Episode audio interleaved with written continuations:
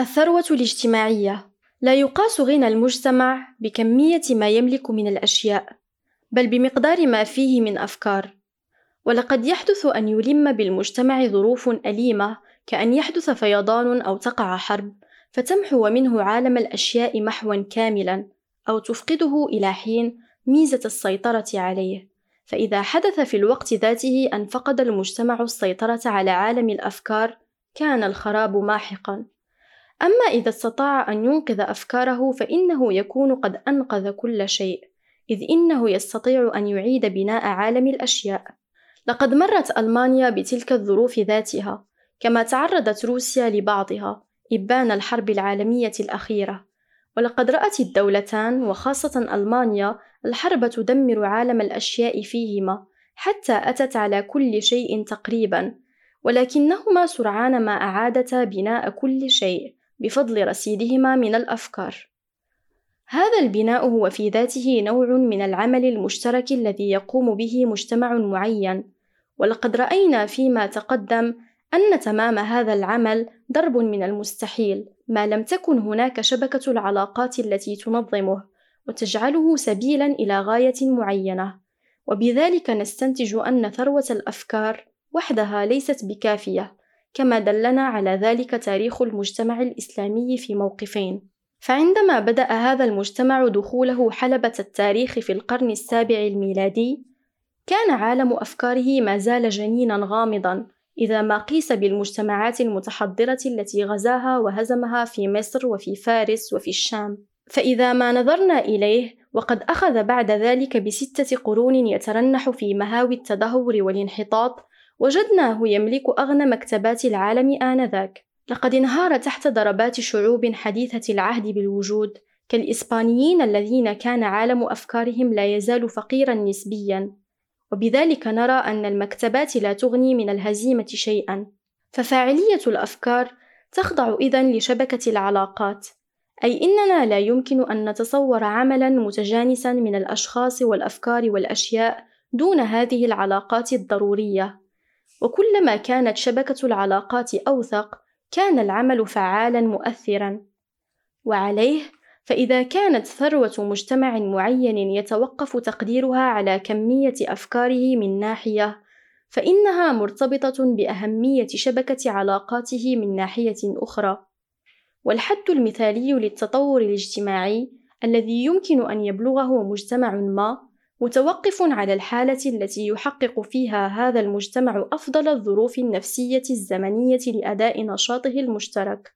وهذا يحدث بوجه عام عندما يكون المجتمع في حالة النشوء كالمجتمع الإسلامي في العهد المدني وكالمجتمع المسيحي في مغارات روما إذ إنه في هذه الحالة يحقق أرفع درجات الاندماج والانسجام فيكون التوتر الأخلاقي قد بلغ ذروة درجاته ويبلغ المجتمع الحد النهائي في تطوره عندما يفقد بالتدريج خاصة الانسجام فيتفرق أفراده ذرات ويصبح في نهاية تحلله عاجزا تماما عن أداء نشاطه المشترك.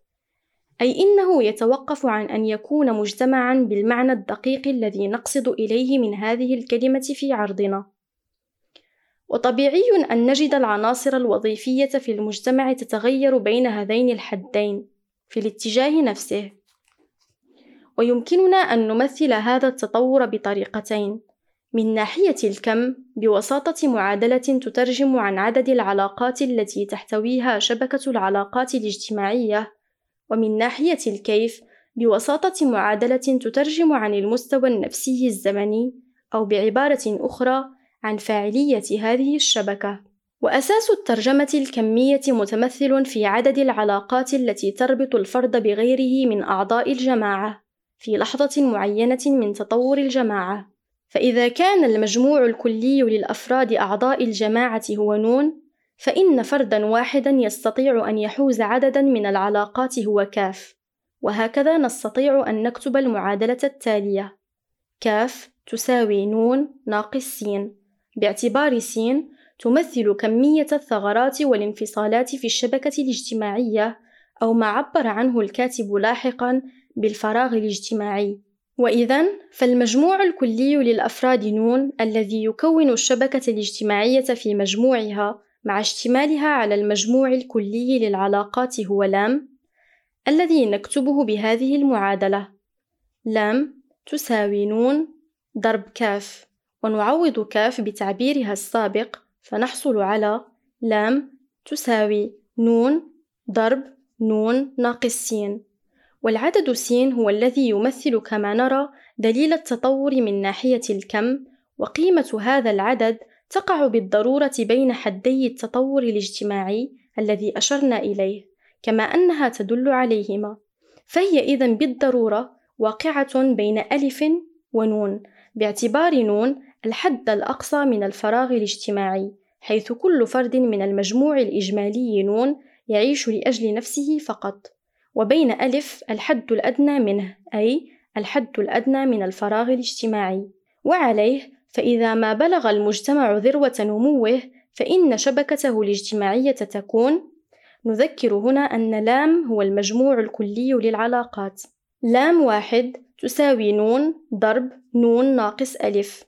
أي أن لام هنا في حدها الأقصى وهذه هي الحالة التي يشير إليها حديث رسول الله صلى الله عليه وسلم المؤمن للمؤمن كالبنيان يشد بعضه بعضا وهو قول يعكس حالة المجتمع الإسلامي الأول حين حقق بالمدينة نموذج المجتمع المنسجم في طبقة واحدة وكان كل فرد مرتبطا ارتباطا واقعيا بكل الآخرين. من أعضاء المجتمع بوساطة علاقات شخصية. أما حين يبلغ المجتمع نهاية تحلله فإن شبكته الاجتماعية تكون على صورة لام اثنان تساوي نون ضرب نون ناقص نون تساوي صفر.